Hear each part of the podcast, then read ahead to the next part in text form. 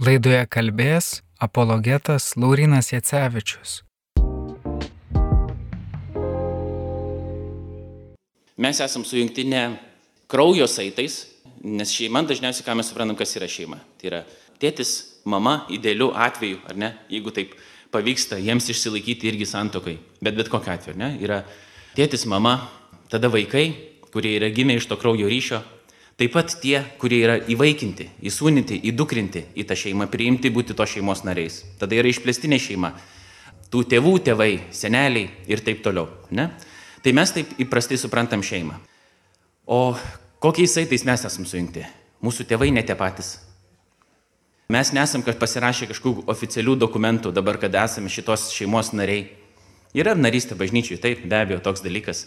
Bet dažniausiai, kai mes kalbam apie šeimą, tai mes suprantam ją tik tiek plačiau. Ne tai, kad kažkoks dokumentas mus padaro, arba ne, kad kraujo ryšys mus padaro šeima, kaip krikščionis. Bet kažkas kitas. Kas dabar mus padaro šito šeimos nariais? Toks atrodytų labai sudėtingas, bet to pačiu ir labai paprastas dalykas. Mūsų pasišventimas Jėzui Kristui. Mūsų įsitikinimas, kad Jėzus Kristus, tas žydų mesijas, pateptasis, yra ne tik žydų tautos išvaduotojas ir gelbėtojas, bet viso pasaulio karalius ir jis yra mūsų viešpats. Bet ne tik tai, ne tik, kad mes esame jo tarnai ir norim jo valdžioje gyventi, bet to pačiu, kad jis yra ir mūsų draugas, jis yra mūsų brolis, bičiulis. Ir per jį mes esame sutaikyti su tėvu ir vesti tą trybės gyvenimą. Tokie teologiniai terminai atrodytų gal šiek tiek ir keista, bet mus šitos šeimos nariais padaro pasišventimas, pasitikėjimas Jėzumi Kristumi.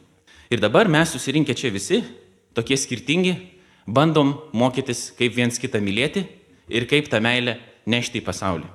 Taip pat nešti Dievo Evangeliją, Kristaus Evangeliją, tai yra gerąją naujieną, kad Jėzus Kristus yra viso pasaulio karalius ir viešpats, ir toks yra faktas, ir kviesti gyventi jo valdžioje visus. Kaip vieną šeimą, į kurią žmonės turi pasirinkimą, ar nori įsitraukti ar ne. Kvietimas yra visiems, bet ne visi nori būti to šeimos nariais. Tai mes dabar susirinkę čia, gėdodami, išreiškim savo padėką, savo gyrių Dievui per giesmę, nors ne visi mokam gerai gėdoti, ypatingai aš nemoku, bet vis tiek bandom tą daryti, atnešam tą, ką turim. Kaip vaikas, kuris nupiešia kažkokį piešinuką savo tėvams, rodo, žiūrėk, kaip aš čia gražiai nu, nupiešiu, ten meninės vertės jokios nėra, bet tėvams tai yra labai brangu. Tai lygiai taip pat, mes irgi gal ne pasaulinio lygio atliekam čia kažkokias ceremonijas, aš nesu pasaulinio lygio kalbėtojas, kurio čia būtų verta paklausyti. Bet jūs ne dėl manęs, ne dėl šlovinimo komandos, ne dar dėl ko nors ateinat, mes ateinam visi kartu pasimokyti, kaip būti Dievo šeima ir kaip tą meilę liudyti pasauliui, kuri turėtų perkeisti ne tik mus, mūsų kaip bendruomenė, bet to pačiu ir visą tai, kas yra už šitos bažnyčios ribų. Bet dabar kaip mes mokomės? Mes mokomės vienas iš pagrindinių būdų, arba pagrindinis būdas, kaip mes mokomės, bent jau evangeliniai tradicijai, mes susirenkam aplink Dievo žodį. Dievo žodis yra įvairialypis, bet mes kaip mums aukščiausią mokymo autoritetą priimam šventą įraštą. Ne konkrečiai šitą, šitą viršelį ir šitą knygą, nes čia yra tik Pauliaus laiškai. Yra kitokių Biblijos formų, čia yra tik Pauliaus laiškai, naujas vertimas. Bet mes susirenkam pažiūrėti į tai, ką mes priimam kaip Dievo žodį mums, tai yra įvairūs raštai, kilę iš Izraelio tradicijos, Naujajame testamente, mes skaitom apaštalų raštus ir bandom iš jų išmokti išminties. Jie turi mus realiai kažkaip išmokyti, atitinkamai mąstyti ir atitinkamai elgtis. Dėl to mes žiūrim į šitą knygą. Ne šiaip savo, kad, nu, ką nors įdomaus, aš tiesiog pasakysiu, ko nors gal negirdėto, bet per ilgą laiką, vis grįžtant ir grįžtant prie tų tekstų, mes mokomės būti tikra Dievo šeima. Šiandien aš kalbėsiu apie laišką Filemonui, bet iki to aš noriu padaryti įžangą, kaip visada, dėl konteksto, kad mes suprastume apie, apie ką iš vis eina kalba. Prieš tai noriu jūsų paklausti. Kiek iš jūsų esat girdėję pamokslą iš laiško Filemonui? Kodėl, kažin nieks nešneka iš laiško Filemonui? Per trumpas. Kaip pasirodo evangeliniai tradicijai, visi sako, va, mes tikime Dievo žodžiu, čia Dievo žodis visą kitą, ar ne, bet iš tikrųjų, ką mes darome, mes dažnai renkamės, kas mums patinka, kas nepatinka, ištraukiam ir iš tų dalykų tik tai kalbam. Aš parodysiu čia dabar problematiką viso šito, nes jeigu mes primum, kad tai yra Dievo žodis, tai reiškia ir laiškas Filemonui ten yra nebereikalo, mes kažko iš jo galim išmokti. Tai čia ne tai, kad prigauti aš norėjau jūs, bet norėjau suprasti iš tikrųjų, jeigu esate girdėję, tada aš daugiau kalbėsiu apie kitką, jeigu nesate girdėję, tada reikės greičiau tai praeiti ir kalbėti apie laišką Filemonui ir kodėl jis yra svarbus mums. Laiškas Filemonai yra vienas iš Naujojo testamento laiškų parašytas Pauliaus. Paulius parašė visų 13, taip yra laikoma, Petras 2, Jonas 3, tada ir Jokūbo laiškas, Judo laiškas ir laiškas Hebrajams, kuris nu, nėra aišku, kas yra laiško Hebrajams autorius, kai kurie laiko Paulių, kai kurie dar kažką kitą, bet mes neturim tam tikrų domenų. Dabar nors šitie vardai čia yra parašyti, pamatysim, kad tas laiškų rašymas jis yra šiek tiek sudėtingesnis, negu mums atrodo. Nėra taip, kad Paulius tiesiog prisėdo, bam, laiškelį surašė ir išsiuntė. Ne taip viskas vyko tame pasaulyje. Bet laiškas Filemonai yra vienas iš laiškų. Dabar dažniausiai pamokslus mes girdim, tokia yra mano patirtis bent jau, ir pamokslininkai mėgsta pamokslauti būtent iš laiškų. Dažniausiai vat, eina romiečiams laiškas, korintiečiams pirmas laiškas, iš jų labai yra mėgstama pamokslauti. Ir mes skaityti mėgstam laiškus. Kodėl?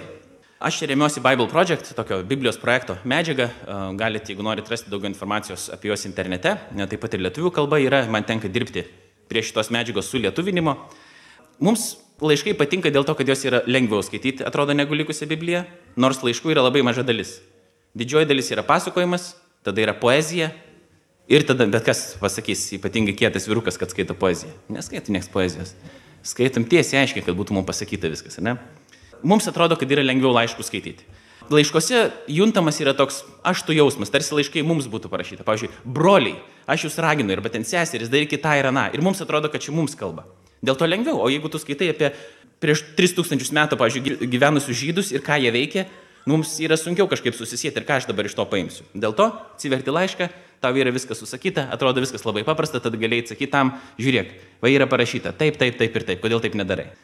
Atrodo, kad yra paprasčiau pritaikoma mano gyvenimo situacijai. Ten yra daug visokių citatų, kurias galima po to bam įdėti į Facebooką, Instagramą, kur tik nori, jeigu naudojamės, arba savo broliu, arba sesiai mestelti, jeigu yra kokia nors ten vieta irgi reikalinga. Tai pavyzdžiui, tokios citatos kaip atpildas už nuodėmį mirtis, o Dievo malonės dovana amžinasis gyvenimas mūsų viešpatį Jėzuje Kristuje. Išsikerpi, bam, įklijuoji į Facebooką, gauni iš kitų krikščionių laikų, dėl to, kad iš Biblijos papaustinai ir viskas yra labai fainai. Ir yra daugiau tų citatų, bet um, reikalas yra koks, kad tos eilutės, jos yra iš kažkur paimtos. Nėra taip, ori kažkur skraido ir dabar mes ją išsitraukiam, įdedam ir viskas mums yra aišku. Jos yra paimtos iš laiškų, kurie turi savo kontekstą. Dabar jeigu mes tik tas eilutės po vieną traukiam ir mėtom vieni kitiems, kokia yra problema? Yra tokių eilučių kaip gerk ne vien vandenį, bet vartok ir truputį vyno dėl savo skrandžio ir dažnų negalavimų. Perskaitė tokią lūtį, tai ką galvoju dabar, mane Biblija moko gerti vyno ir skrandis, dėl to man pagerės. Tai man pas gydytoją nereikėtų, ne? Po to yra parašyta taip, kad sveikinkite vieni kitus meilės pabučiavimu. Čia pirmam Petro laiške arba kitam, sveikinkite vieni kitus šventų pabučiavimu iš laiško romiečiams. Kodėl niekas čia dabar neapsibučiuoja? Kai kurie bučiuojasi galbūt, bet kodėl niekas nesibučiuoja čia ateidami? Ką jūs nepaklūstate Biblijai? Parašyta. Sveikinkite vieni kitus šventų pabučiavimu. Tada yra tokių pastorių Amerikoje, kurie tai prisibučiavo kad besveikindami savo žmonas paliko, pastoriais nebėra. Tai yra tokių irgi situacijų. Sakau jums, broliai, laikas trumpas, belieka, kurie turi žmonas gyventi tarsi jų neturėtų. Nu, žmonam nelabai patiktų šitą eilutę. Tuo labiau, kai turi kitose vietose parašyta, kad vyrai turi mylėti savo žmonas taip, kaip Kristus pamilo bažnyčią ir atidavė už ją save. Biblija prieštarauja savo pačiai. Vienoje vietoje parašyta, kad gyvenkite tarsi žmonų nebūtų, kitoje atiduokit save žmonoms, kaip Kristus atidavė save už bažnyčią. Po to, argi pati prigimtis jūsų nemoko, jog vyrui gėda nešiuoti ilgus plaukus? Negalima ateiti tokia lūtė traukti, sakyti, va, žiūrėkit, ką, ką jūs čia daro dabar. O ką daryti su tokiam vietom, kaip skaičių šeši, kur yra nazyrai, kurie pasišventė viešpačiui ir vienas iš to pasišventimo ženklų buvo auginti plaukus ir niekada jų nekirpti. Paulius apaštalas buvo davęs šitą įžodį, mes matome iš apaštalų darbų. Ir jisai nusiskuto galvą prieš tai užsiauginęs ilgus plaukus. Tai ką daryti? Neišeina mėtytis taip tom eilutėm. Ir daug čia būtų galima dar tų tokių kontroversiškų eilučių kažkaip ištraukti ir bandyti ją suprasti, bet reikalas yra koks, ne, kad mes susitinkam skaityti Bibliją, tai dabar nereiškia, kad mes va, taip paskaitysim, yra tokia eilutė parašyta, ne, ir tada mes eisim ir dabar gersim vyną, paliksim savo žmonas arba kirpsimės ilgus plaukus iš karto. Čia yra rimta literatūra, jinai turi tam tikrą savo kontekstą ir kodėl aš dabar kalbu apie tai? Nes dabar septynis metus jau daugmaž kalbėdamas bažnyčiose, aš pastebiu, kad mes turim tokią problemą, ypatingai mažesnės evangelinės bažnyčios. Mes labai vertinam Dievo žodį, kas yra labai gerai, bet turim labai mažai žinių, kaip reikia juo remtis. Ir tada kas išeina, kad bažnyčios kyla, žmonės pykstasi, yra žiauriai daug įsižeidimo, nes žmonės traukia eilutes ir meta viens kitam veidą, kas patinka arba kas nepatinka. Ir nėra nei vieno žmogaus, kuris laikytųsi absoliučiai, ne tas, kuris griežčiausias yra, sako, aš laikausi Dievo žodžio, aš ten tą, tą, tą ir aną, nei vienas nesilaiko visko, kas tenais yra parašyta. Nei vienas. Dabar ar mums reikėtų laikytis? Reikėtų, bet klausimas, kaip mums suprasti, kas tenais yra parašyta. Dėl to mes renkamės, bandydami kartu suprasti, o ne tai, kad vienas pats atsisėda kažkas, sako, šventoji dvasia man apreikš, perskaito dvi lūtės ir tada įsteigia savo bažnyčią, nes jam šventoji dvasia apreiškia, ką dabar jau visos kitos nuklydo, o čia aš dabar jau teisingai supratau viską, kas yra parašyta. Šventoji dvasia taip veikia tame procese, bet tuo pačiu čia yra literatūra, kurią reikia mokėti skaityti. Ir mes prie to eidami galim tiesiog gauti geresnių žinių, ne, didesnės, gilesnės išminties iš tikrųjų kaip bendruomenė. Viens kitą pataisyti, jeigu netaip suprantam. Bet ne iš kažkokio iš puikybės, ne arogancijos. Aš nesu ten, nei joks super mokytojas, nei dar kažkas. Aš dalinuosi tai, ką atrodo aš mokiausi, bandžiau suprasti, kas gyvenime veikia su jumis Po to mes diskutuojam apie tai, aiškinamės teisingai, aš supratau neteisingai ir visą gyvenimą vyksta tos procesas. Ir mes vis kažką geriau suprantam, išsiaiškinam ir taip toliau. Dėl to mes skaitom bendruomeniai Bibliją. Dabar, kaip skaityti laiškus? Keturi tokie mini dalykai. Mums reikia atkreipdėmėsi į visą pasakojimo kontekstą, į kultūrinį kontekstą, ir situacinį kontekstą, ir literatūrinį kontekstą. Aš truputį paaiškinsiu, ką aš turiu omeny. Čia mes einam prie laiško Filemonui. Pasakojimo kontekstas. Biblija yra vienas didelis pasakojimas. Jisai turi vieną tokią gyją, kur eina nuo pradžios knygos iki apriškimo knygos. Viduje ten yra dar įvairių daug pasakojimų ir patys tie laiškai, pavyzdžiui, apriškimo knyga, jie telpa dar atskiruose tose pasakojimo detalėse. Kaip tas pasakojimas atrodo? Dievas sukuria visą pasaulį ir sukuria žmogų kaip savo atvaizdą. Sukuria žmogų kaip tą, kuris reprezentuos, atstovaus Dievui šitame pasaulyje. Dievas taip nusprendžia. Žmonės nusprendžia, kad vis dėlto ne visai nori būti to Dievo atvaizdu, jiems yra duodamas pasirinkimas, jie pasirenka, ar nori bendradarbiauti su Dievu ar ne, jie pasirenka, kad nelabai nori, jie nori būti patys savo dievais. Tad jie praranda galimybę bendradarbiauti su Dievu ir yra ištremiami iš Edeno sodo. Nors turėjo tą Edeno sodą plėsti. Dievas tada nepameta savo tos misijos ir užmanimo visą pasaulį palaiminti. Jis išsirenka vieną šeimą - Abromo šeimą, kuri po to virsta Izraelio tauta. Ir sako, per šitą šeimą aš palaiminsiu visą pasaulį. Adomas ir Jėva nugrybavo, dabar aš išsirenkau Abromo šeimą, per juos visos pasaulio tautos bus palaimintos. Abromo šeimai irgi ne viskas gerai sekasi, mes tada skaitydami toliau tą pasakojimą, čia Senajame testamente, matom, kad kai pradedam tik tais juoktis, kaip čia dabar jiems nesiseka Adomui ir Jėvai ir Abromui, tada suprantam, kad tekstas rodo į mus pačius ir sako, žiūrėk, tau lygiai taip pat tau lygiai taip pat yra. Tu irgi netaip gyveni, netaip elgesi, netaip supranti, kaip dėrėtų. Bet yra viltis. Po truputį, kai tos nelaimės vis vyksta, tokie nesugebėjimai, pradeda kilti tokia viltis, kad ateityje atsiras kažkas tas, per kurį visos tautos bus galiausiai palaimintas, kuris bus tikrasis Dievo atvaizdas. Tas žmogus kils iš Davido giminės. Ir apie šį, šį žmogų kalba visi pranašai. Daugiausiai atsimenat, tikriausiai Izaijo 53, kur mes jau žiūrėdami iš Jėzaus perspektyvos atgal mes matom ten, kad eina kalba apie Jėzų. Bet ne tik ten, yra daug, daug, daug, daug tokių momentų. Pranašai vis kalba apie tai, kad ateityje kils žmogus iš Davido giminės, kuris bus tikrasis Dievo atvaizdas ir tikrasis žydų tautos karalius, bet per jį bus palaimintos visos tautos ir ne tik jis bus žydų tautos karalius, bet viso pasaulio viešpats. Ir jis bus toks mesijinis tarnas. Mesijas yra pateptasis. Izraelio tauta tops naujos sandoros Izraeliu. Buvo duota pirmoji sandora, sandora nėra susitarimas kažkoks, nėra tiesiog kontraktas, sutartis, bet tai yra kažkas gilesnio, panašiai kaip santoka, kuris yra įsipareigojimas vienas kitam ir idealiu atveju turintis tęstis iki pat pabaigos. Sandora Izraelis nuolat laužo, bet Dievas laikosi, jis yra visą laiką ištikimas. Bet į tą Izraelio tautą arba per tą Izraelio tautą bus palaimintos visos tautos ir per konkrečiai tą asmenį. Tai nėra pažadas tik Izraelio tautai. Mes diskutavom čia su viena moterimi, jinai manęs klausė, sako, kodėl Dievas įsirinko Izraelį. Mano atsakymas buvo toks, nežinau, gal jis turi kokį nors geresnį, nes Dievui tai patiko. Aš nežinau, kodėl jis įsirinko Izraelį. Bet dabar reikalas yra koks. Ne? Galima būtų aišku spekuliuoti dėl to, kad Izraelis buvo maža tauta, Dievas norėjo preikšti savo didybę ne per sudėtingumą visą kitą, bet reikalas yra koks. Klausimas kyla iš tokios pozicijos. O kodėl ne mane išsirinko?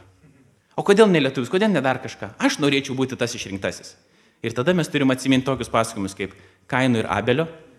Kai Kainas ir Abelis abu aukojo Dievui aukas ir Dievas priėmė Abelio auką, Kaino nepriėmė. Ką Kainas padarė? Užpavydėjo, užmušė. O kodėl ne mane? Kodėl ne mane priėmė? Kodėl šitą priėmė? Čia vienas dalykas. Kitas dalykas, kai kurie nori būti labai ir pranašais, netgi Facebook'e būna pasirašo, ypatingai mėgsta užsieniečiai, profet toks ir toks. Jeigu pažiūrėtume pranašų gyvenimus, aš tai nenorėčiau būti pranašu. Labai sunkus gyvenimas, be galo.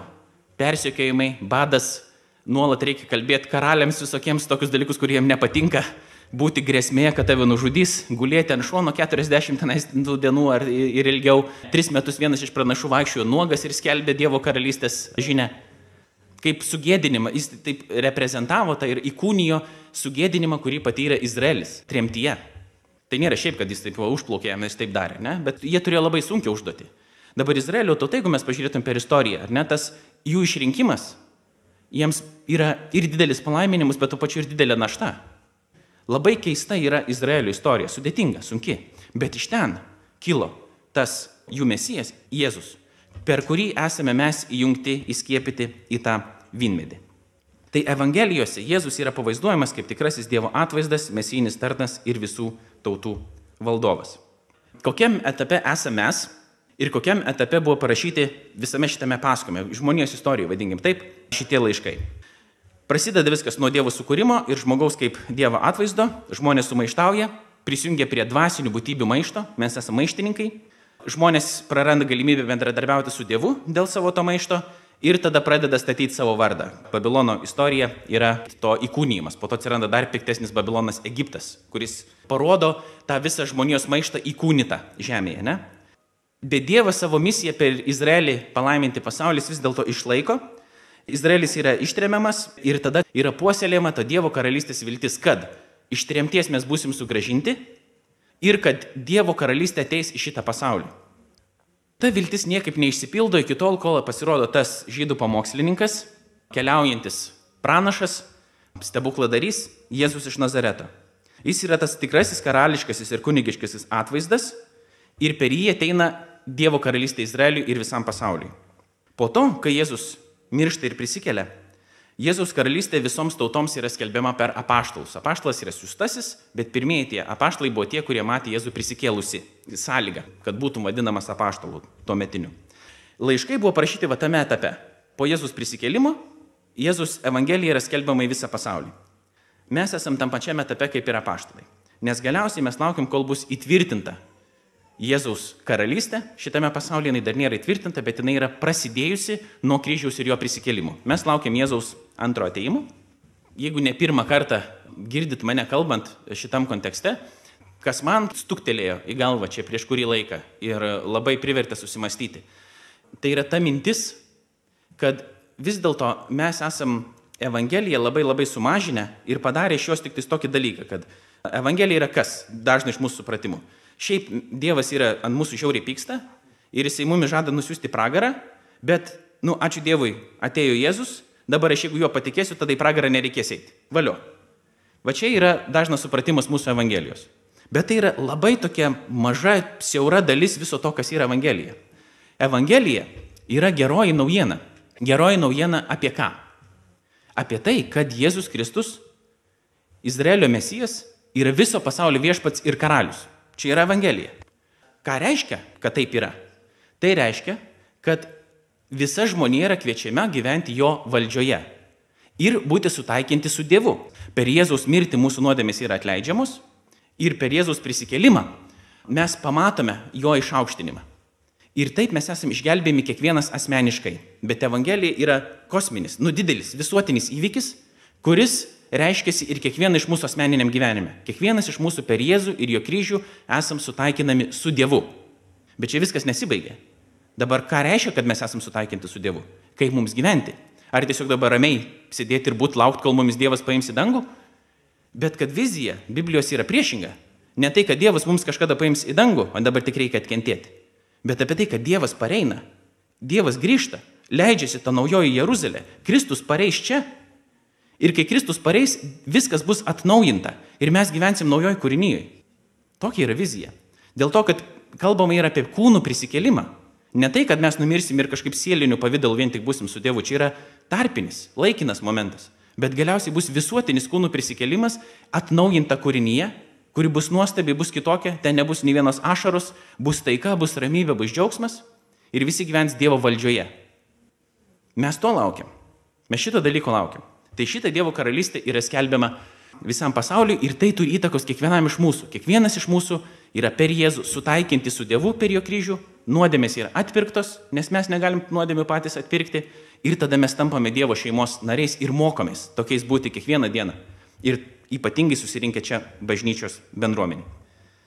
Laiškai dabar yra viso šito pasakojimo, kurį aš sakau tesinys. Laiškai nėra taip, kad, oi, dabar turėjom truputį pasakojimo, turėjom evangelijų, turėjom įstatymų, dabar truputį turim laiškų ir viskas.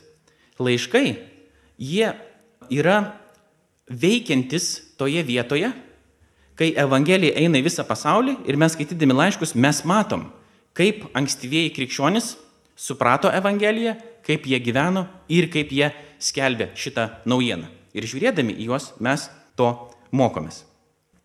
Apie tai, koks yra istorinis Naujojo testamento laiškų kontekstas. Pamatysim tai, ką turim pamatyti. Vartydami Bibliją, į pabaigą rasite 21 laišką. Jie parašyti Jėzos sekėjų bendruomenėms senovės Romos imperijoje. Laiškai? Tarsi skaityčiau kažkieno paštą? Taip, šios laiškus parašė apaštalai, žmonės, kuriuos Jėzus paskyrė skleisti gerąją naujieną apie jo karalystę.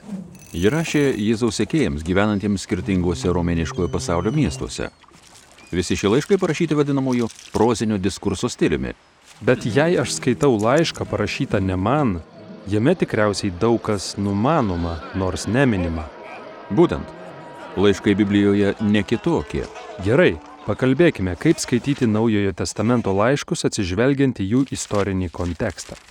Taigi, skaitant Naujojo testamento laiškus, reikia atminti tris istorinio konteksto lygmenis. Pirmasis nurodo, kad visi laiškai dera platesnėme biblinio pasakojimo siužete. Aha, šis pasakojimas prasideda Dievui sukuriant žmoniją kaip savo bendrininkę drauge valdyti kūrinyje. Tačiau mes nusprendžiame valdyti pagal savo taisyklės. Tai nuveda į smurtą, tremtį ir mirtį. Vis dėlto Dievas vyrui vardu Abraomas pažada, kad per jį ir jo palikonis visoms tautoms bus dovanotas gyvenimas ir palaiminimas, jog būtų atnaujintas Dievo planas žmonijai. Jėzus sakė, kad jis atėjo įvykdyti šio pažado savo gyvenimu, mirtimi ir prisikėlimu. Būtent. Apaštalai save laikė šaukliais, kelbenčiais Jėzuje atėjusią Dievo karalystę. Pavyzdžiui, apaštalas Paulius, Romos namų bažnyčioms rašydamas apie gerąją naujieną, sakė, kad jo darbas sukviesti visas tautas prisiekti Jėzui, išaukštintajam pasaulio karaliui. Tai sakyti Romos imperijos sostinės gyventojams drąsoka, mat jie turėtų būti prisiekę Cezariui. Taip, ir tai mus atveda prie antrojo svarbaus konteksto, padedančio suprasti naujojo testamento laiškus, prie pirmojo amžiaus Romos imperijos kultūros. Roma valdė teritorijas aplink visą viduržėmio jūrą. Valdė užkariaudama ir pavergdama savo priešus ir tada įvesdama didelius mokesčius. Imperatorius ir jo aplinkos žmonės kontroliavo visus turtus ir valdžią. Jie žinojo, kaip susidoroti su tais, kurie grasino socialiniai tvarkai. Dauguma žmonių gyveno nepasiturimai, neturėdami tvirtesnio pagrindo. Romos kultūroje buvo labai aiški hierarchija. Turtingi ir įsilavinę vyrai iš svarbių šeimų visuomenėje galėjo kopti aukštyn. O moterys, vergai, vaikai ir vargšai visuomet buvo nepalankioje padėtyje ir laikomi prastesniais. Jėzaus sekėjų bendruomenėje buvo kitaip. Visi sulaukdavo meilės ir su visais elgtasi vienodai oriai. Romėnų gyvenime neįsivaizduota, kad aukštos padėties žmonės bendrautų su žemiau esančiais. O paštalai skelbė, kad per Jėzų Dievas padovanoja savo meilę visiems, nepriklausomai nuo jų padėties. Tad atsižvelgiant į tokį kontekstą, šie laiškai metė iššūkį tuo metu kultūrai ir naikino atskirti tarp žmonių. Būtent, taip priartėjome prie paskutinio konteksto ligmens - situacinio kiekvieno laiško konteksto. Ar turi omenyje konkrečias atskiro miesto bažnyčios problemas, kurios ir paskatino tą laišką parašyti? Taip, kaip kad Paulius laiškė Romos krikščionims. Jis skaitant kyla pagunda susitelkti tik į svarbes teologinės mintis, bet tai praleidžiame, kodėl jis parašė šį laišką. Kodėl jis jį parašė? Na, laiško pabaigoje jis kalba apie tai, kaip žydų maisto ir šventų dienų įstatymai tapo ginčytinais tarp žydų ir nežydų Jėzaus sekėjų. O tai skaldė bažnyčią. Įdėmiai skaitydami matome, kad kai kurie aukštos socialinės padėties krikščionys į Jėzaus sekėjų žydus žvelgia su panieka. Žydai krikščionys atsikirzdavo tuo pačiu, smergdami nežydus kaip antrarūšius Jėzaus sekėjus. Tikrai taip. Todėl visos pirmosios laiško dalies mintys ir teologija buvo skirtos spręsti būtent šias problemas. Paulius pripažįsta, kad Romos krikščionių kultūra, teologija ir socialinė padėtis yra labai skirtinga. Tačiau jis nori, kad jie suprastų, jog juos vienyje tikėjimas Jėzumi, kuris yra tikrasis jų bažnyčios centras. Gerai, puiku. Bet jei šis laiškas parašytas kažkam kitam, kokia man iš jo nauda? Juk aš negyvenu senovės Romoje. Na, šiuose laiškuose matome, kaip apaštalai gerąją naujieną apie karalių Jėzų meta iššūkį ir perkeičia kiekvieną savo pirmojo amžiaus kultūros aspektą. Stebėdami juos įgyjame išminties, kaip ta pati geroji naujiena gali perkeisti ir mūsų kultūrą. Skaitant Naujojo testamento laiškus, naudinga žengti dar vieną žingsnį - mokyti sekti laiško minties tiekmę nuo pradžios iki pabaigos. Pirmiausia, tai yra tokia praktinė priemonė pabandyti paaiškinti paprastai, kas yra kalbama Biblijoje. Yra keturi tie lygmenys. Kai mes einame prie Filemono laiško ir aš ten daug neaptarinėsiu, bet jeigu mes gausim tos įrankius, tada galėsim patys geriau suprasti, kaip reikia tos laiškus nagrinėti. Kai buvo rašomi tie laiškai, jie buvo rašomi ne lietuvių 21 amžiaus kultūrai. Jie buvo rašomi žydų ir graikų romėnų kultūriniam kontekste. Jėzaus sąjudis yra žydiškas, tačiau jis plečiasi į pagonišką visiškai kitokį pasaulį. Dabar graikų ir romėnų kultūra, jinai yra ženklinama ko? Pagonybės, yra garbinami netikri dievai, bet kaip dievybę save įsivaizduoja ir imperatorius, Cezaris. Dėl to Jėzaus naujiena yra tokia skandalinga, kadangi imperatoriui yra taikomi tokie titulai, aš dabar pasakysiu, lotyniškai. Soter, čia yra graikiškai, atsiprašau, Evangelion ir Eirene. Ne, Soter yra gelbėtojas, gelbėtojas yra Jėzus, bet ir imperatoriui yra taikomas tas titulas, kad jis yra gelbstintis. Per imperatorių ateina geroji naujiena, arba geroji naujiena, kad imperatorius yra, tai Evangelija. Ir Eirene, tai yra taika arba ramybė, ir per jį graikų romėnų pasauliui yra skelbiama taika. Tai visi šie titulai yra taikomi ir Jėzui. Dėl to jis yra toks nepatogus, nes tai yra teiginys, kad šitas imperatorius, jis nėra tikrasis viso ko valdovas, bet tikrasis gelbėtojas, tikroji geroji naujiena ir tikroji ramybė ateina per Jėzų Kristų.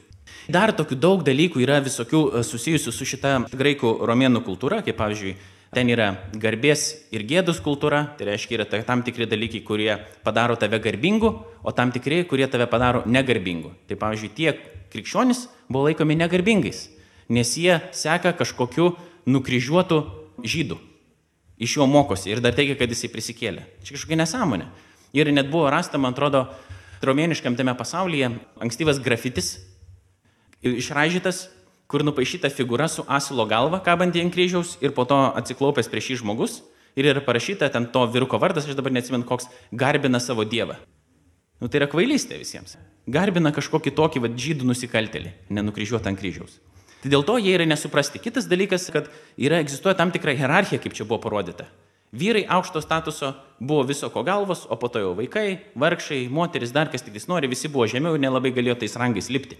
Net vergai, kai kurie galėjo lipti aukščiau, bet ne visi tą galėjo padaryti. Tai va toks yra tas graikų romėnų pasaulis, į kurį ateina Evangelija. Dabar situacinis kontekstas. Kokia yra situacija, kai tas laiškas yra rašomas?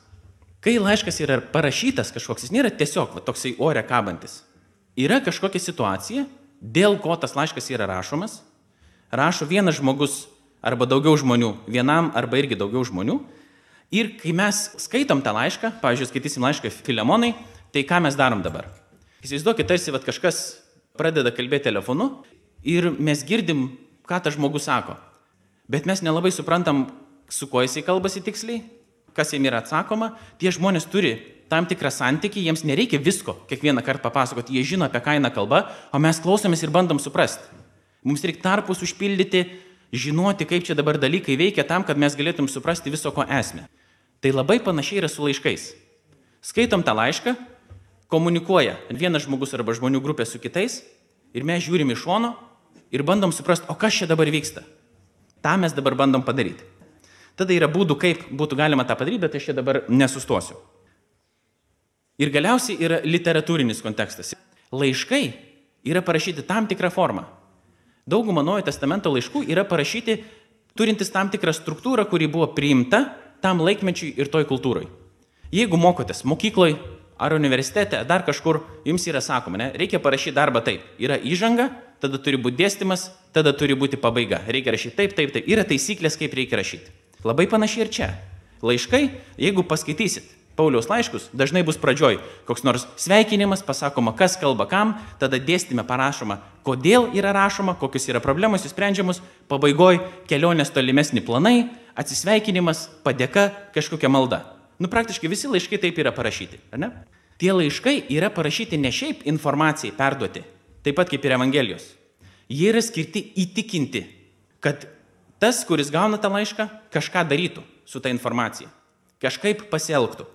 Tai dabar pažiūrėsime, mes atsižvelgdami į tą kontekstą, kaip veikia laiškas Filemonui. Aš dabar jį perskaitysiu, jis yra labai trumpas ir mes trumpai pažiūrėsim, kas ten yra norima pasakyti. Laiškas Filemonui, jis net neturi skyriaus, vienas skyrius yra. Trumpiausias Pauliaus laiškas iš visų, kiek jis yra parašęs. Paulius, Kristaus Jėzaus kalinys ir brolis Timotiejus, mūsų mylimam bendradarbiui Filemonui, taip pat sesiai Apfijai, mūsų bendražygio archipui ir bendruomeniai tavo namuose. Malonė jums ir ramybė nuo Dievo, mūsų tėvo ir viešpatės Jėzaus Kristaus. Prasideda laiškas. Paulius sako, kad jis yra Jėzaus kalinys. Jisai yra ir tiesioginė prasme Jėzaus kalinys, nes jis dėl Evangelijos dabar yra kalėjime kažkur. Kartu laiško bendras siuntėjas yra Timotiejus, Paulius bendradarbis. Paulius ne vienas pats tą laišką galvoja, masto, bet kartu kažkaip tame dalyvauja ir Timotiejus. Mes nežinom iki galo kaip, bet kažkaip taip daugmaž. Kam yra siunčiamas tas laiškas? Kažkokiam žmogui, vyrui vardu Filemonas, taip pat sesiai tikėjime, reikėtų matyti apfijai, mes nežinom, kas yra apfija tiksliai.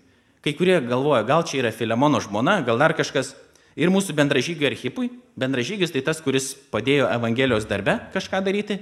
Ir tavo bendruomeniai namuose. Reiškia, tas laiškas yra Filemonui, pas jį namuose renkasi tam tikra bendruomenė, bažnyčia. Ir dar yra du išskirti žmonės kaip Apfija ir Archipas. Ir tada jis sako, kad jiems visiems yra malonė ir ramybė nuo Dievo, mūsų tėvo ir viešpatės Jėzaus Kristaus. Tokia yra pradžia. Jau kažką žinom apie tai, kas siunčia, kam siunčia. Dabar Paulius rašo taip. Visuomet dėkoju savo Dievui, minėdamas tave savo maldose, nes girdžiu apie tavo meilę viešpačių Jėzui ir visiems šventiesiems. Ir tikėjimą. Meldžiu, kad mums bendras tikėjimas teiktų tau pažinimą visokio gerumo esančių mumise dėl Kristaus. Iš tavo meilės patyriau didelį džiaugsmą ir pagodą, nes per tave, brolau, buvo atgaivintos šventųjų širdis. Jisai parodo, kad Filemonas yra pagirtinas žmogus. Jisai dėkoja Dievui už tai, ką Filemonas daro, koks jisai yra, jisai mini jį maldose, prašo jam visokio pažinimo ir gerumo dėl Kristaus, pasako, kad iš Filemono jis patyrė meilės ir iš to patyrė didelį džiaugsmą. Nes Filemonas kažką padarė, kad per tai buvo atgaivintos kitų tikinčiųjų širdis. Mes tiksliai nežinom ką. Jie žino, daug susirašinėdami tarpusavį. Mes tik galim bandyti išsiaiškinti. Tada Paulius dabar rašo nuo aštuntos eilutės. Pastebėkit. Pirmiausia, pasisveikinęs, pasakęs, kam yra skiriamas laiškas, kas rašo, pagyręs Filemoną, padrasinęs jį, sako, va todėl, kad tu toks esi, nors turiu ganėtinai drąsos Kristuje tau įsakyti, kas dera, labiau iš meilės prašau, toks koks esu, aš Paulius senyvas žmogus, o dabar ir Kristaus Jėzaus kalinys, prašau tavęs dėl savo sunaus Onesimo, kurį pagimdžiau kalėdamas, kadaise tau nenaudingo, o dabar naudingo ir tau, ir man. Siunčiu jį tau kaip savo širdį, norėdamas jį pasilaikyti, įdant vietoje tavęs patarnautų man, kalinčiam dėl Evangelijos. Tačiau be tavo sutikimo nieko nenorėjau daryti, kad tavo gerumas būtų nepriverstinis, o savanoriškas. Galbūt tam ir buvo trumpam atskirtas, kad amžinai galėtum jį turėti jau ne kaip vergą, bet daugiau nei vergą kaip mylimą broli, ypač mylimą man, o juo labiau tau ir pagal kūną ir viešpatyje. Paulius sako, kad Filemonais turi teisę įsakyti. Jis turi teisę įsakyti, ką jį reikėtų daryti, bet Paulius sako, aš nenoriu tau įsakinėti, nors šiandien nėra nieko blogo, aš turiu teisę tokią padaryti, bet aš noriu, kad tu pasielgtum teisingai ir tas tavo poreikis būtų iš meilės. Paulius jis sako, nu aš esu jau senas žmogus, supras, kad, nu, aš turiu išminties, galbūt jis sako, nu, priimk tada tai kaip kvailystė, jeigu aš jau taip sakau, bet kaip senas žmogus, o dabar aš esu ir Kristaus kalinys, jisai rodo tai, kad dėl Kristaus Evangelijos jisai turi pakęsti kai ką prašau dėl savo sunaus Onesimo. Paulius neturėjo tokio sunaus biologinė prasme kaip Onesimas. Sunaus tikėjime. Paulius yra Onesimo dvasinis tėvas. Tas Onesimas Iš to laiško mes išskaitom ir pamatom, taip pat laiškė kolosiečiams yra parašyta. Jis yra vergas, Filemono vergas. Filemonas yra tikėtina, kad įtikėjo per Paulių ir netgi buvo jo bendražygis kurį laiką. Bet kaip ir visi to meto pasiturinti žmonės, Filemonas buvo pasiturinti žmogus, jis turėjo vergų, nors jisai buvo krikščionis. Klausimas yra, kodėl dabar Biblijoje taip tiesiogiai nėra pasmerkiama vergystė. Laiškė Filemonui yra, tik ne tokia atvira tiesioginė prasme mes pasiaiškinsim truputį kodėl. Kažkas atitinka tarp Onesimo ir Filemono. Onesimas kažką padaro ir pabėga. Ir pabėga ir jis susiranda Paulių galiausiai susiranda kalėjime, tikriausiai, galbūt kažkur kitur, bet jis atsiveria kažkaip per Paulių ir per Pauliaus pamokslavimą jisai atsiverčia. O nesimas dabar tampa krikščionimi. Dabar tada turim tokią situaciją. Yra Filemonas, kuris įtikėjo per Paulių, yra Onesimas, kuris taip pat įtikėjo per Paulių, vienas yra kito vergas ir jie yra susipykę dėl kažko dabar. Kai pas Paulių tas vergas atbėga, ką jisai gali dabar daryti? Jis gali duoti jam pinigų, sakyti gerai, bėg toliau, kad tau nebūtų toliau problemų. Arba jis gali jį savo pasilaikyti. Gali savo pasilaikyti ir Paulius sako, aš norėčiau jį savo pasilaikyti, nes jisai jau buvo bendradarbis man, Evangelijos darbe. Tokia yra situacija. O Nesimas sako, prieš tai tau buvo nenaudingas, dabar jis yra naudingas tau ir man. Čia yra žaidimas su jo vardu, nes jo vardas reiškia naudingas. O Nesimas. Jis ruošia dabar kelią savo tam galiausiam prašymui, Paulius. Sako, galbūt jūs buvot atsiskyrę nebereikalo. Galbūt jūs buvote atsiskyrę su tuo tikslu, kad trumpam atsiskyrę kaip vergas nuo šeimininko, galiausiai tu jau galėtum jį turėti nebe kaip vergas savo, o kaip broli Kristuje. Ir čia yra jau nelabai suvokiamas dalykas tuo metu kultūrai. Visam tam kultūriniam kontekste, tame laikmetį tai yra sunkiai suvokiama. Paulius toliau rašo taip, nuo 17. Tad jei laikai mane bičiuliu, priimk jį kaip mane. O jeigu jis tave ko nuskriaudė ar yra skolingas, tai mano sąskaiton. Aš, Paulius, rašau savo ranką, aš atlyginsiu Jau net neminiu, kad ir pats save esi man skolingas. Taip, brolau, norėčiau iš tavęs turėti naudos viešpatyje. Atgaivink mano širdį Kristuje. Rašau tau pasikliaudamas tavo paklusnumu ir žinodamas, kad padarysi daugiau nei prašau. Be to, paruošk man svečių kambarį, nes viliuosi, kad per jūsų maldas bus jums dovanotas. Tave sveikina Epafras, be laisvės Kristuje Jėzuje draugė su manimi, Morkus, Aristarchas, Demas, Lukas, mano bendradarbiai. Viešpatys Jėzaus Kristus malonė su jūsų dvasia. Paulius sako taip, aš tau siunčiu atgal dabar tavo nesimą, čia yra žiauriai pavojinga. Pagal teisę Filemonas galėjo primušti, o nesimą netgi užmušti, nes tai buvo jo nusavybė tuo metu kultūriniam kontekste. Paulius siunčia atgal Onesimą. Manau, kad ir Onesimui nėra labai patogu šitas momentas. Jis yra prisidirbęs, kažką padaręs, bet Paulius pasitikė, žinodamas Filemoną ir koks jis yra, kad Dievo Evangelija yra jį perkeitusi ir jis yra mielaširdingas žmogus ir jis sako Paulius, tu padarysi tai, kas yra teisinga ir netgi dar daugiau. Reiškia, ne tik tu jį priimsi, bet tu padarysi ir dar daugiau. Dar įdomu, Paulius sako dalyką, kažpažiūrėjau, jeigu nesimas yra kažką pavogęs ir tau labai norisi tų pinigų ar dar kažko, aš atlyginsiu, aš tau atiduosiu. O nesimas yra skolingas, bet tą skolą atlyginsiu aš. Ir čia mes iškart prisimenam Evangeliją, kai Jėzus mūsų skolą atlygina. Paulius čia įkūnė Evangeliją, nes vienintelis Paulius laiškas, kur nėra minimas Jėzaus Kristaus prisikėlimas ir mirtis ant kryžiaus. Bet to daryti nereikia, nes Paulius pats veikia panašiai kaip Kristus, sutaikydamas Onesimą su Filemonu. Jis va tai paima vieno ir kito ranką ir sako, va per mane, aš jūsų esu tėvas abiejų tikėjime, tu esi, sako Filemonai, man savęs skolingas, Onesimas tau kažką yra skolingas, aš atlyginsiu. Tu jį priimk jau dabar nebe kaip vergą, o priimk jį kaip broli. Toliau tokia labai įdomi vieta. Paulius sako, aš tau rašau savo ranką. Šitoj vietoj, čia. Kodėl dabar taip yra parašyta? Nutikėtina, kad prieš tai Pauliaus, va tas, kas buvo parašyta tame laiške, ne Paulius rašė savo ranką. Jie turėdavo sekretorių nusisamdę, laišką parašyti kainuodavo žiauriai brangiai. Ilgiausi laiškai, kurie buvo rašyti, ten laiškas romiečiams, vienas mokslininkas suskaičiavo, ten 2004 metais, kai buvo įleista jo knyga, kad laiškas romiečiams vienas galėjo kainuoti apie 2300 dolerių. Vieną parašyti laišką. 2300 dolerių tada. Tai dabar nuverskime eurus, pridėkime infliaciją, šios dienos nu keli tūkstančiai eurų kainuotų tokį laišką parašyti. Kodėl?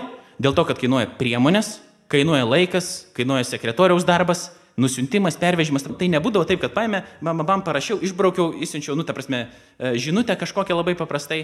Čia yra kas parašyta, tas ir norėta parašyti. Tas laiškas buvo glūdintas, peržiūrėtas ne vieną kartą, paredaguotas ten, kur reikėjo, bet Dievas tai naudojo, kad būtų jo žodis paskelbtas. Ir Paulius sako, čia vad pažiūrėk, dabar aš jau rašau savo ranką. Kitam laiškė yra parašyta, pažiūrėkit, kokiom didelėm raidėm rašau savo ranką. Ir Paulius galiausiai sako, jo, kad pasikliaudamas tavo paklusnumu ir žinodamas, kad padarysi daugiau negu prašau. Tada jis sako tokį vėl keistą dalyką, ne kaip mes galvom, nu, Dievo žodėje. Koks mums skirtumas, kad Paulius prašo, kad jiem ten kambarį paruoštų. Arba kitam laiškiais rašo, paimk mano apsiaustą ir mano pergamentus. Nes tai yra laiškas vieno žmogaus kitam realioje situacijoje. Bet čia kas dabar vyksta, taip apibendrinant.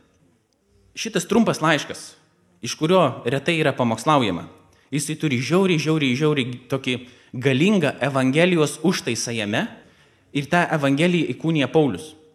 Jėzus Kristus, viso pasaulio viešpats ir karalius, ne, jisai per jį ateina laisvė, per jį ateina tiesa, per jį ateina malonė, taip toliau, per jį atleidžiamas yra mūsų nuodėmės, jo prisikėlimas yra mūsų prisikėlimo viltis, per prisikėlimą jis yra išaukštinamas, čia yra toks kosminis, didysis vaizdinys. Bet ta Evangelija turi reikšmės kiekvieno iš mūsų gyvenimams. Kaip Jėzus sako, kad, kad pasaulis pažins, kad mes esame Jėzus mokiniai? Kaip mes mylim viens kitą? Esminė misija krikščionio yra sutaikinimo misija. Sutaikinimo žmogaus su Dievu, kuris įvyksta per Jėzų Kristų. Pasaulis, net visa kūrinyje yra sutaikama su Dievu per Jėzų Kristų. Dabar kaip tai atrodo kiekvieno gyvenimo situacijos asmeniniai?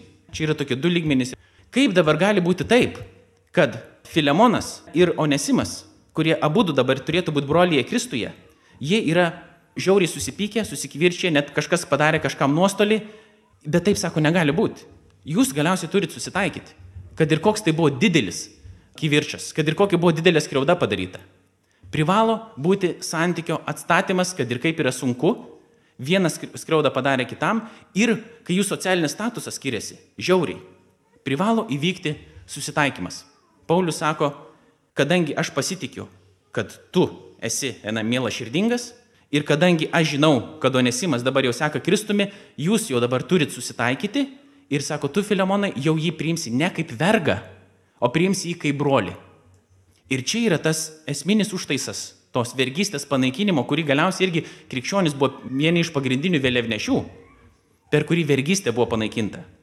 Turėkite omeny, kad vergystė nieko bendro beveik neturėjo tuometiniam pasauliu su odos spalva. Vergų turėjo labai daug kas, vergystė buvo kaip elektra pas mumis praktiškai. Ta prasme, nu, turtingieji turėdavo vergų, kurie darydavo visokius darbus, kartais tie vergai galėdavo patys pakilti aukščiau, kartais ne, priklausydavo nuo situacijos, bet galėdavo ir turtingas žmogus tapti vergu, jeigu jis būdavo nugalimas mūšyje ir galėdavo tapti kieno nors vergu. Kai kurie save patys į vergystę parduodavo, nes neturėdavo pinigų gyventi. Tai būdavo, o socialinės sistemos tokios sodros nebuvo ir išmokų. Bet Paulius sako, tu priimsi jį kaip broli. Ir čia vat yra tas tokia tiksinti bomba, kuri galiausiai tą vergystę išsprogdins iš vandens. Visi yra lygus Jėzuje Kristuje, tiek Filemonas, tiek Onesimas. Abiejų viešpats yra Jėzus ir abiems jis atleido.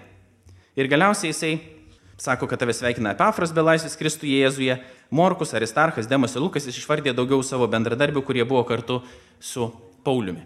Tai šitas laiškas ir raginu jį daugiau skaityti ir permastyti irgi tą momentą, kaip didžioji ta Kristaus Evangelija, sutaikinimo Evangelija pasireiškia konkrečiuose žmonių santykiuose ir po to iš to turėtų eiti visą pasaulį.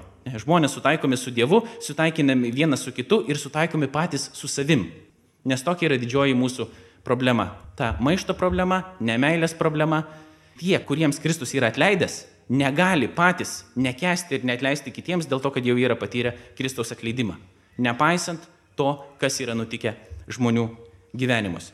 Tai va toks trumpai yra laiškas Filemonui, apie tai Paulius rašo, jis tenais yra neatsitiktinai, tenai mes matom ne atvirai parašyta, va štai tokia yra Evangelija, bet ten mes matom įkūnytą Evangeliją, kaip jinai atrodo pasaulyje.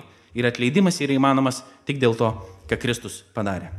Ačiū tau viešpatė už tai, kad tu atleidai mums, kad tu sutaikai mus su tėvu, Kalbėjo Laurinas Jacevičius.